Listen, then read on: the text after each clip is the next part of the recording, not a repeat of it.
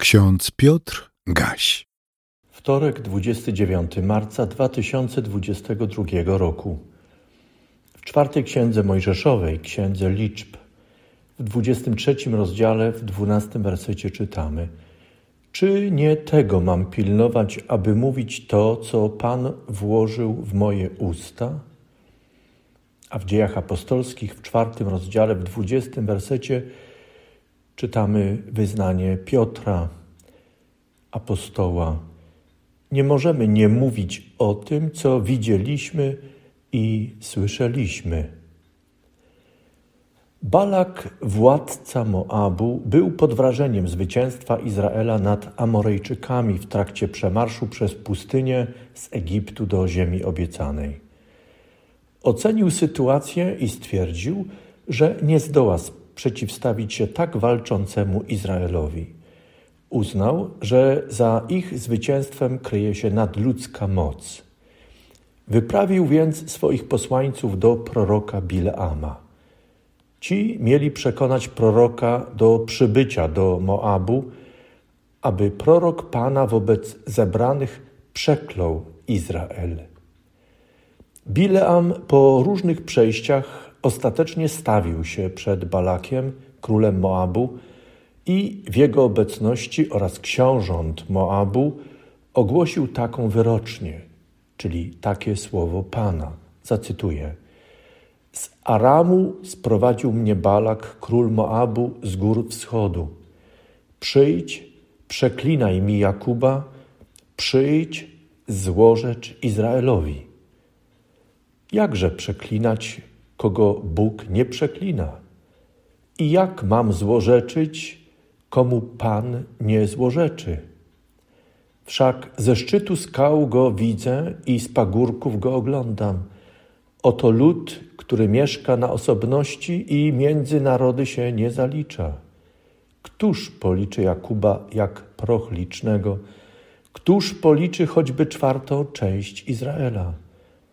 Niechaj umrze moja dusza śmiercią prawych, niech mój kres będzie taki jak jego.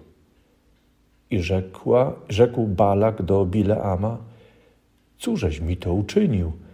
Sprowadziłem cię, abyś przeklinał moich wrogów, a oto ich pobłogosławiłeś.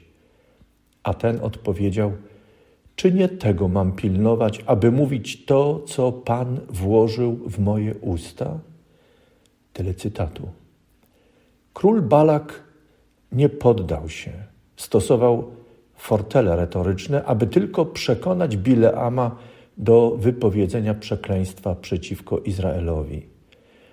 Bileam pozostał jednak wierny Jahwe. Konsekwentnie sprzeciwiał się przeklinaniu Izraela.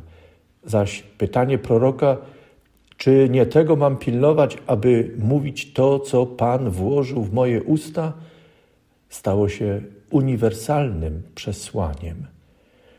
Posłańców Pana stale wzywa się, aby wraz ze swoim autorytetem posłańców Pana oddali się w służbę władzy świeckiej.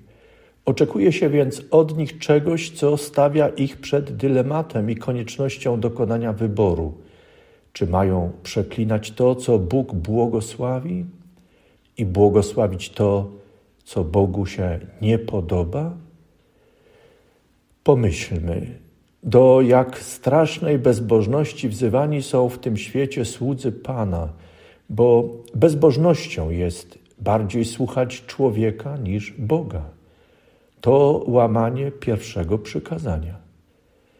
Najbardziej aktualnym przykładem uległości wobec władzy i dopuszczenia się bezbożności jest brak potępienia napaści Rosji na Ukrainę i brak potępienia wojny prowadzonej przez armię Putina z pogwałceniem konwencji genewskiej o ochronie osób cywilnych podczas wojny, podpisanej 12 sierpnia 1949 roku.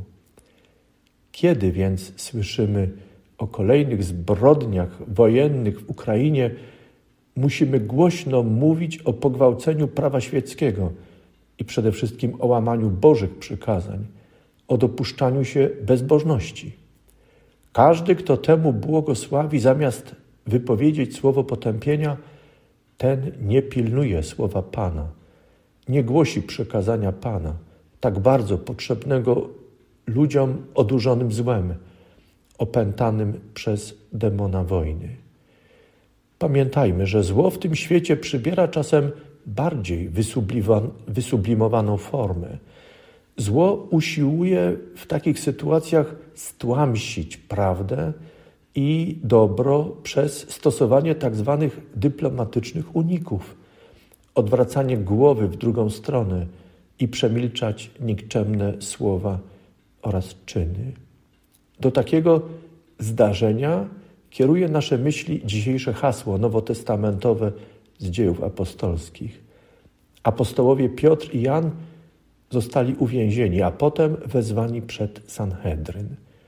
Apostołowie musieli odnaleźć się w trudnej sytuacji i odpowiedzieć sobie samym i władzy na pytanie, które Piotr sprytnie postawił również członkom Sanhedrynu władzy.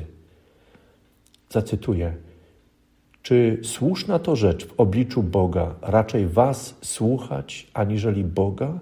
Osądźcie sami. My bowiem nie możemy nie mówić o tym, co widzieliśmy i słyszeliśmy. Kochani, jak wiemy, reformatorzy Kościoła XVI wieku znieśli podział na stan duchowny i stan świecki. W miejsce tego podziału przypomnieli biblijną naukę o powszechnym kapłaństwie wszystkich ochrzczonych. Na jej podstawie wolno nam przypominać, że w codziennym życiu my wszyscy ochrzczeni jesteśmy sługami i służebnicami Boga.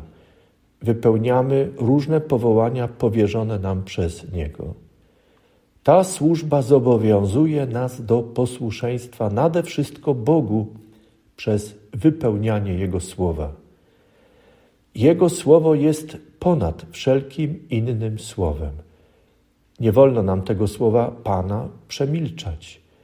Tym bardziej nie wolno nam odwracać głowę od zła. Nie wolno nam błogosławić przemocy, gwałtu, przelewu krwi, ale na podstawie Bożych przekazań jesteśmy zobowiązani je potępić oraz wezwać winowajców do nawrócenia. Winniśmy też jako słudzy i służebnice Boży wypełniać posługę miłosierdzia wobec skrzywdzonych, udzielać im wszelkiego wsparcia, które jest w naszej mocy i w granicach naszych możliwości. Dodajmy wszystkim skrzywdzonym, nie tylko białym, lecz także tym o innym odcieniu skóry. Jeśli tego nie czynimy, istnieje niebezpieczeństwo, że popełniamy grzech rasizmu. Współcześnie przechodzimy wielki egzamin z naszego człowieczeństwa i z naszego chrześcijaństwa. To też egzamin szczerości przed Bogiem i sobą samymi. Niech Bóg da nam poznanie samych siebie, abyśmy nie oszukiwali Boga, samych siebie i naszych bliźnich. Niech pomoże nam trwać w posłuszeństwie i rzetelnej służbie dzieci Bożych.